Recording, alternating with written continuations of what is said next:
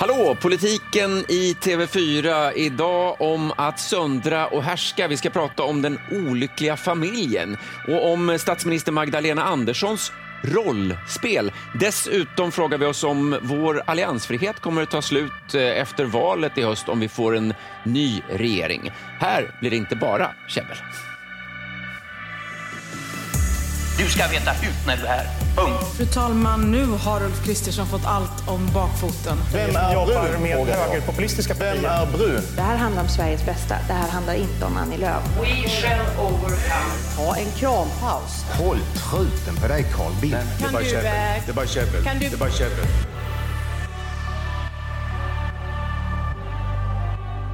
Ja, vad kul att ni är med oss och välkomna hit eh, Ann eh, Tiberg, Ulf Kristoffersson, våra politiska kommentatorer. Jag heter Johan Macéus och Ann, hur har veckan varit?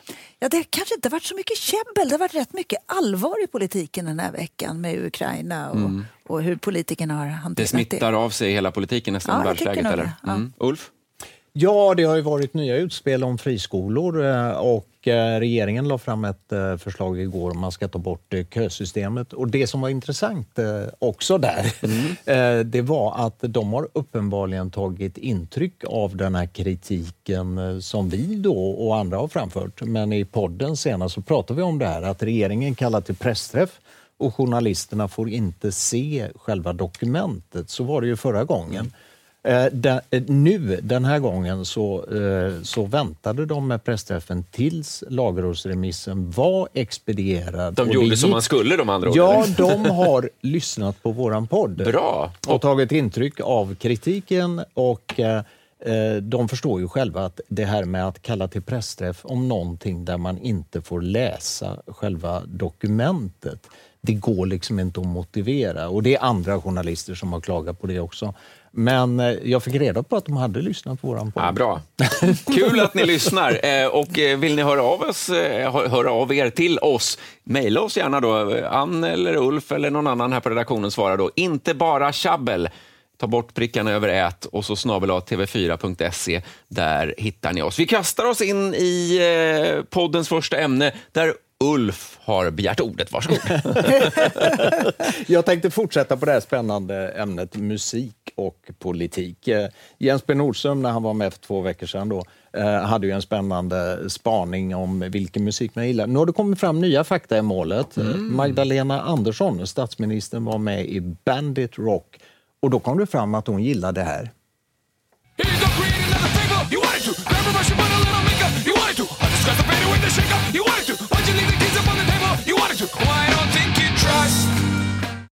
Sitter och headbangar nästan här i studion. Alla går igång!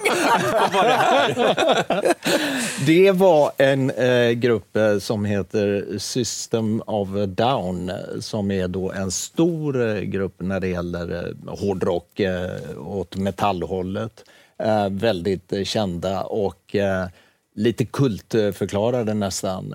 Eh, och, eh, Vad har de med Magdalena Andersson att göra? Jo, för att hon sa då att hon, hon tyckte de är skithäftiga, sa hon när hon intervjuades i Bandit Rock. Eh, Och det är sån musik som hon och hennes man brukar lyssna på när de har fester. Förfester. Ja, Ja, för- Man måste lyssna noga här. Det här värmer man upp till. Ah. Sen Ja. kanske kommer något annat vid tretiden på natten. Men, men det, det jag tycker är spännande där, det är ju att vi har ju också hört eh, eh, civilministern Nina Karkiainen som ju då eh, är, har en koppling till eh, eh, metall med sambon med Rautir, eh, den gruppen. Och kanske är det så att tidigare har ju alla socialdemokrater sagt att det är Bruce Springsteen som de gillar mest. Det, det har nästan varit obligatoriskt bland ledande socialdemokrater. De säger Bruce Springsteen och så blir de lite fuktiga i ögonen. Nu kanske det där har svängt så att det är den här lite mer slamriga hårdrocken som gäller istället. Och det kanske är ett generellt skifte som håller på att ske, att det här blir mer mainstream. Eh, kanske inte bara bra för, för metal att vara, bli etablissemang, Nej. så, om man ska vara lite så. Men, men det här eh, noterar jag att det här har liksom slagit stort. Det här skrivs om internationellt och System of a Down är jättenöjda med att Men, ja, men det, är, det är spännande band också. Absolut. De har en väldigt speciell bakgrund. De har skrivit protestlåtar mot Irakkriget och så vidare. Så det finns lite politik eh, i deras texter också. Och musik säger ju ganska mycket om personen, men jag undrar ju om du säger att hon var med i eh, Radio Bandit då, eh, och så för hon fram en hårdrockslåt. Det låter lite som ett PR trick där, att hon är förberedd på en sån fråga när hon just är i en sån radiokanal? Ja, eller? alltså nu pågår ju, vad ska man säga, en kampanj från Socialdemokraternas sida att göra statsministern mer folklig, mer populär. Hon ska ut på alla plattformar. Eh, ibland eh, kanske det inte landar så bra. Vi har ju det här inlägget på TikTok eh, Ja, just det, exakt. nyligen som, svenskt, som fick svenskt eh, näringsliv att gå i taket och tyckte att eh, Alltså det handlar om friskolorna då och de tyckte att, eh, att det var det är för ovärdigt Mm. att eh, ha den argumentationen när det är en, en medieplattform som är riktad till unga. Då. De tyckte hon överdrev för hon pratade Ja. om att skattebetalares pengar går till sexklubbar. Ja. Det var någonting i Ja. den stilen. Och apropå att hon är med i alla eh, radiokanaler. Jag hörde själv när jag satt i bilen och lyssnade på eh, Riks Morgonzoo, eh, apropå att vi hade Magdalena Andersson som körde stridsbåt härom, eh, härom podden eh, och eh, använde ett språkbruk som, inte var, som jag var van vid. Jag reagerade på det här i Riks Morgonzoo. Men jag skiter väl vilket elslag det är. Alltså, Det har blivit en väldigt teknisk diskussion. Ska vi ha den ena? Ska vi ha kärnkraft det ena eller andra? Just det, eh, Magdalena Andersson skiter i någonting, säger hon i Riks Morgonzoo. Ja, och så svär hon i tv. Det här är ju en lite ny Magdalena Andersson. Ja, för det är ju inte finansminister Magdalena Så Andersson. det här lät hon inte tidigare. Och jag tänker att, att det här är ganska intressant jämfört med vad man hade för förväntningar på henne som var baserade på att vi har sett den här lite strama finansministern. Och när jag var på S-kongressen när hon skulle väljas, då var det många socialdemokrater som dolde den här oron för att hon skulle bli stel genom att säga så här, det var flera som sa till mig, hon kommer att bli en svensk Angela Merkel.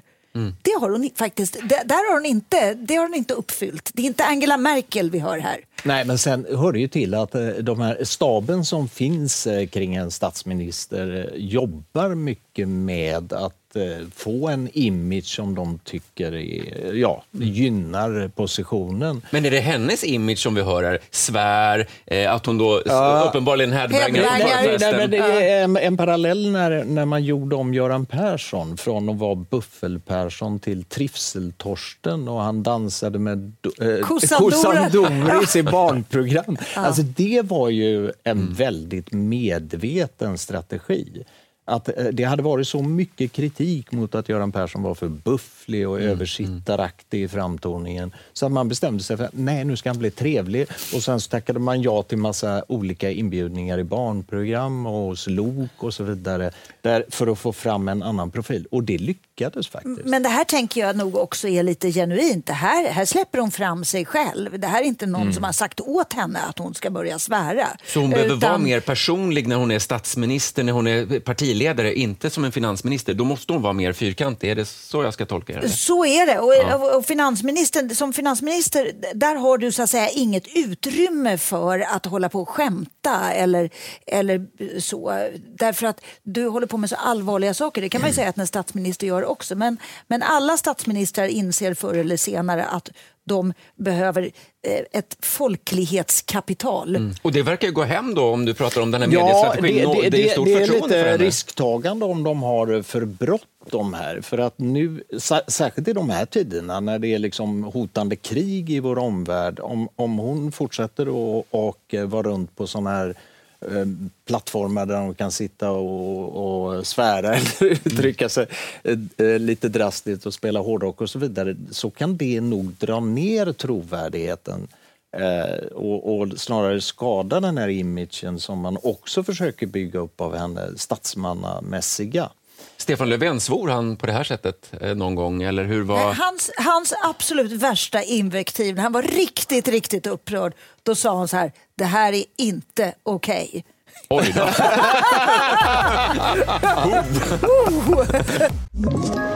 Ett poddtips från Podplay. I fallen jag aldrig glömmer djupdyker Hasse Aro i arbetet bakom några av Sveriges mest uppseendeväckande brottsutredningar.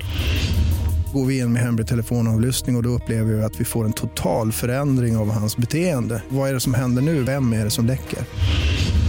Och så säger han att jag är kriminell, jag har varit kriminell i hela mitt liv men att mörda ett barn, där går min gräns.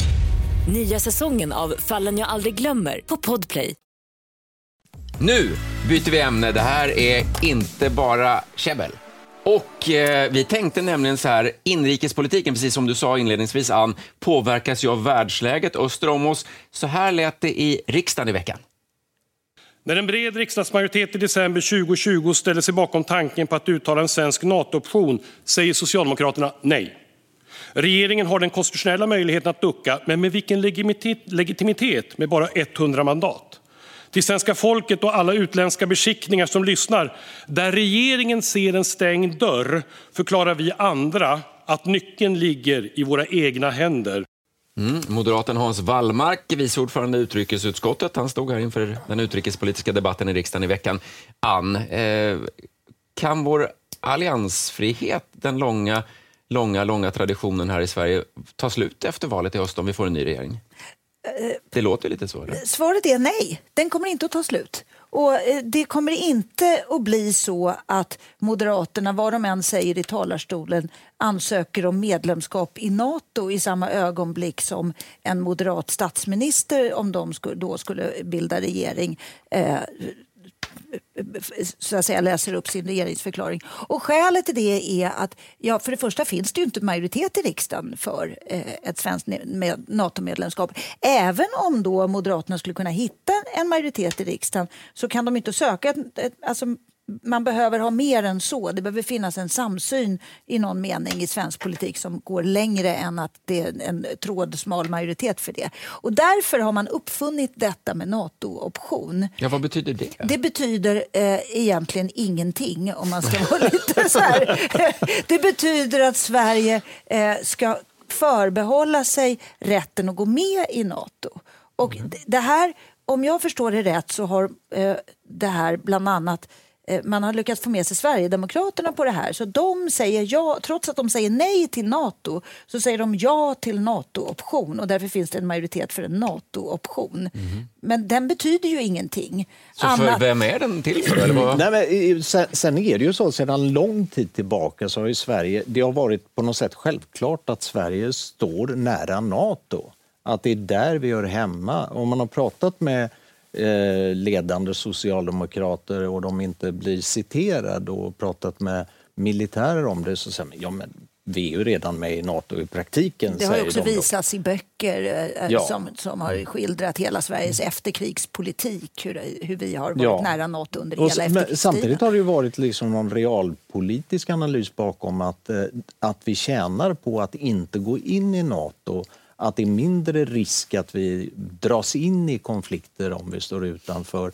Och dessutom slipper vi det här eh, kravet på att NATO-länder ska satsa 2% av sin BNP på försvaret. Eh, de som är med i NATO, det är ju det målet som finns. Eh, och därför har man sett fördelar med att vi behåller den här positionen. Så jag håller ju med Ann att eh, jag, jag tror inte heller att det är Du håller med mig? Men är För en gångs NATO- NATO-optionen då ett sätt, för jag menar, vad vill svenska folket? Är det inte en, en större majoritet som, som skulle kunna tänka sig i alla fall ett svenskt Det NATO-medlemskap? är, opinionsmätningarna är inte supertydliga. Det är något fler som vill, ni får rätta mig här om jag har fel, som vill vara med i NATO än som inte vill. Men det är ingen av de grupperna som ligger över 50 procent. Så Nej, opinionen blir har ju lite- förändrats. Den har förändrats lite. Tidigare var det eh, eh, många fler som sa eh, Mm. nej till NATO-medlemskap. Nu är det ungefär tredelat. Att det är tre som, en tredjedel som säger ja, en är tredjedel säger något, nej den är och en något, tredjedel den är tredjedelen är tveksam. något större Ja, än den andra något. tredjedelen och det där beror lite på hur man mäter. Men, men eh, min poäng är att NATO-optionen, nu, nu är det så här, Finland har uttalat en NATO-option. Mm. Eh, och det, det här tas då som intäkt för att Sverige också borde göra det. Eh, enligt vad jag förstår så är den här finska NATO-optionen, det, det är så att säga inget avtal, det är inget som är nedskrivet, utan det här är rent prat. Det är pratpolitik, man säger detta. Eh, man deklarerar att det är på det här sättet. Och eh, i just det här säkerhetspolitiska läget så menar Ann Linde och regeringen att det här skulle så att säga, öka osäkerheten. Man förändrar någonting bara genom vad man yttrar och det är väl sant. Men sen tycker jag det var intressant också att tonläget är ju ofta väldigt högt eh, inför sådana här möten som Mm. var med försvarsberedningen nu i veckan. Då går man ut och kräver vi måste få massor med mer pengar nu och, och, och, och vi ska ha en NATO-option och så vidare. Sen, jag var och bevakade det här första mötet med försvarsberedningen och när de kommer ut och har suttit med Peter Hultqvist och eh, jag tror det var lite uniformer med inne på mötet också. Då kommer de ut och då är tonen väldigt försonlig. Men skulle de... Jag ska bara säga om det mötet att det var en som sa till mig så här, ja Peter Hultqvist han har varit kommunalpolitiker i många år. Han vet hur man kör en förhandling. Ja, men, ja, och det är så uppenbart att han, han, han kommer ut med sån pondus. Ja, ja. Så det känns som att han har fullständigt dompterat Ja, de andra precis. partierna faktiskt på det här mötet. Sen får vi se hur det går vid kommande möten, men det var intrycket efter första mötet. Men apropå din musikspaning, tror du att man skulle kunna eh, slänga på en sån här musikslinga så att alla här i Sverige skulle ställa sig upp rakryggade och lyssna på den här?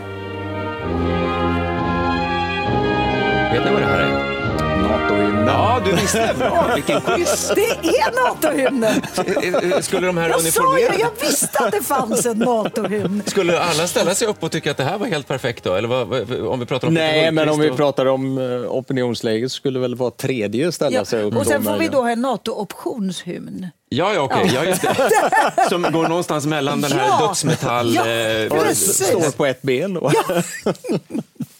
Okej, vi får väl se. Men som sagt, och som vi, du har sagt också, Ann, eh, världspolitiken märks i svensk politik i allra högsta grad just Ja, nu. tveklöst. Och det kommer den säkert fortsätta göra också med tanke på läget just nu i Absolut. Ukraina och Ryssland. Absolut.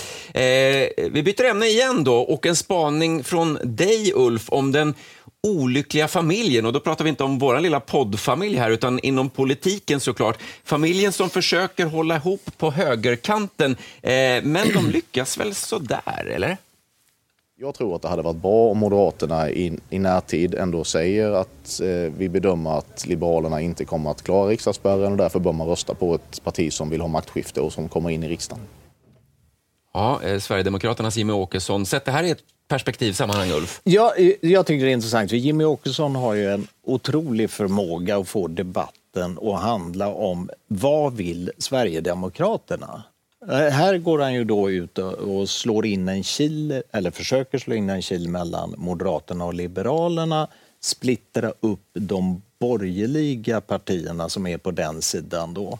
Eh, och det ökar ju den relativa tyngden av Sverigedemokraterna i den här konstellationen. Och sen så, så får det debatten att handla om vad vill Sverigedemokraterna? Vad, vad, vad tänker de göra? Och då hamnar han i centrum och jag tror att det gynnar honom. Jag tror de njuter av den här uppmärksamheten. Lite grann samma när, när han nu då nyligen i en intervju inte ville eh, välja mellan Biden och Putin. Alltså, utåt sett så kan man tycka att det, det, det, han får jättemycket kritik för det. Men samtidigt så blir det ju väldigt uppmärksamhet på Jimmy Åkesson och Sverigedemokraterna och var de står och han särskiljer sig. Och är det någonting Sverigedemokraterna eh, gynnas av det är att de är, särskiljer sig från de andra partierna. De har ju fortfarande kvar, eh, även om de nu samarbetar med Moderaterna och Kristdemokraterna framför allt och Liberalerna i viss mån, så har de fortfarande kvar den här bilden av att det är sju andra partier och så är det Sverigedemokraterna. Ja, jag- jag måste faktiskt ha, hålla med dig där. Oj, oj, är. ja, jag vet. Men, men jag tror att, eh, jag undrar om de ens är säkra på att deras bästa scenario är att det blir ett maktskifte. Alltså att för dem är så att säga, det viktigaste är ändå den här lite, att inte förknippas med det här som de i alla år har kallats för sjuklövern. Men jag tror också att det finns en ambivalens här. För jag tror att eh, den här senaste perioden så har det varit en, en eh, intimitet, eller vad jag ska kalla det för, mellan Moderaterna och Sverigedemokraterna i riksdagen. Där man har så att säga fått ganska mycket hjälp och draghjälp från Moderaterna och väldigt mycket uppmärksamhet. Eh, och Det tror jag att Sverigedemokraterna har tyckt om. Och nu plötsligt eh, med ett sånt här lagom avstånd till Liberalernas Mm. kongress. Det var så här, Liberalerna tog ju, hade ju en, en landsdag, landsmöte heter det, eh, där de tog beslut om att ehm, eh, de, de då ska kunna tänka sig att stödja en regering där SD ingår. Eh, förlåt, som stöds av SD. Och då har Moderaterna ju vacklat ganska länge, eller de har varit tysta eh, för att de vill ha så att säga, ett, ett hygienavstånd till det här beslutet innan de så att säga, framstår som att de går in och lägger sig i. Och nu anser de att den perioden är över. Så nu har de haft partiledarsamtal mellan Sabuni och, och Kristersson och de har varit ute och gjort eh, åtminstone ett besök på en arbetsplats gemensamt och visat upp sig på bilder. Och jag tror att, att Sverigedemokraterna de är lite svartsjuka nästan. De är lite irriterade på det här. De vill ju vara liksom eh, Jo, jo, i men de, de vill ju verkligen inte att det ska bli tre sammansvetsade borgerliga partier. Nej. Och, sen vill de ju igen inte ha med liberaler överhuvudtaget. De vill att det ska vara ett konservativt block. Precis, och Liberalerna går ju ut och säger att eh, på Twitter och så här efter det här att ja, men vi är ju garanten för att, att Sverigedemokraterna inte får igenom A, B och C. Eh, och det är precis det Sverigedemokraterna inte vill Så Moderaterna, att de bygger, ska vara. Moderaterna bygger laget, eh, Sverigedemokraterna, eh, det låter som... eh, söndra och exakt. härska- söndra och Eh, härskarteknik ja. är det. Mm. Men bakom det här ligger ju också att de de våndas ju nu, eller håller på och analyserar vad är egentligen bäst för Sverigedemokraterna. Är det att gå in i en regering? Ska man sikta efter att vara med i en regering? Är det att vara stödparti åt en regering? Eller är det att ha en helt fri roll som vågmästare i riksdagen? Eh, Och eh, då tittar de på erfarenheterna från eh, Finland, Danmark och Norge och de är inte lättanalyserade för att där har det gått åt olika håll beroende på vilken strategi. Det finns liksom ingen självklar slutsats av de eh, näraliggande erfarenheterna från andra länder. Men påverkar det Jimmie Åkesson säger här hur Ulf Kristersson agerar och den sidan när man försöker bilda familj eller bygga ett lag? Liksom. Alltså det svårigheten för, för Ulf Kristersson är att han får ju varje gång Jimmy Åkesson säger något eh, eh, som inte, alltså i stil med det här att han inte kan välja mellan eh, Biden och Putin, då får Ulf Kristersson omedelbart frågor och behöver på något sätt förhålla sig till allt Jimmy Åkesson säger. Därför, och han behöver, även i den här NATO-debatten i riksdagen så kommer det upp eh, att Sverigedemokraterna i EU-parlamentet har röstat nej till att ge mer pengar till, till Ukraina.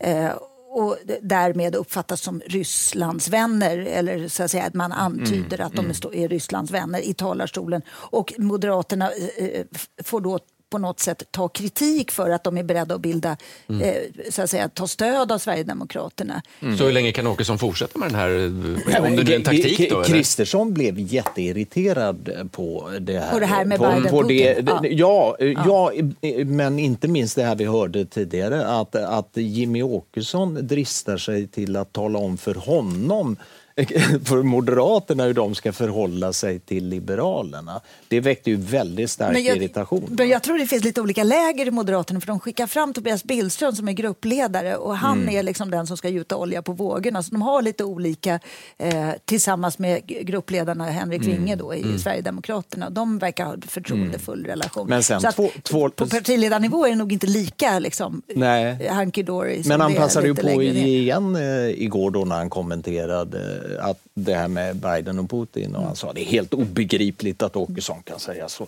Så då gav han igen för den där andra slängen han Ja, fick med att. Ja. Så återigen, kan man svara på, vad tror ni då? Hur länge kan Åkesson hålla på med den här härskartekniken som, som vi försöker, eller som, som vi ser? Som vi Jag tror vi han kommer att hålla på med det eh, fram till valet och kanske efter valet också beroende på hur det går.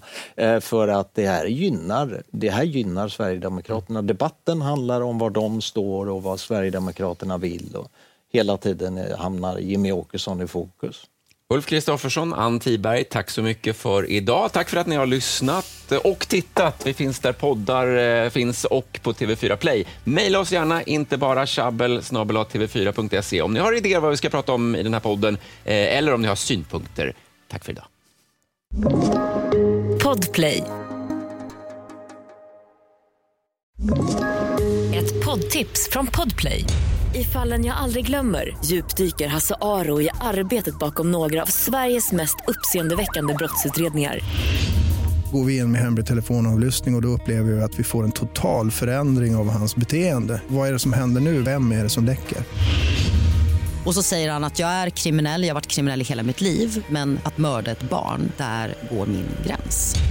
Nya säsongen av Fallen jag aldrig glömmer på Podplay.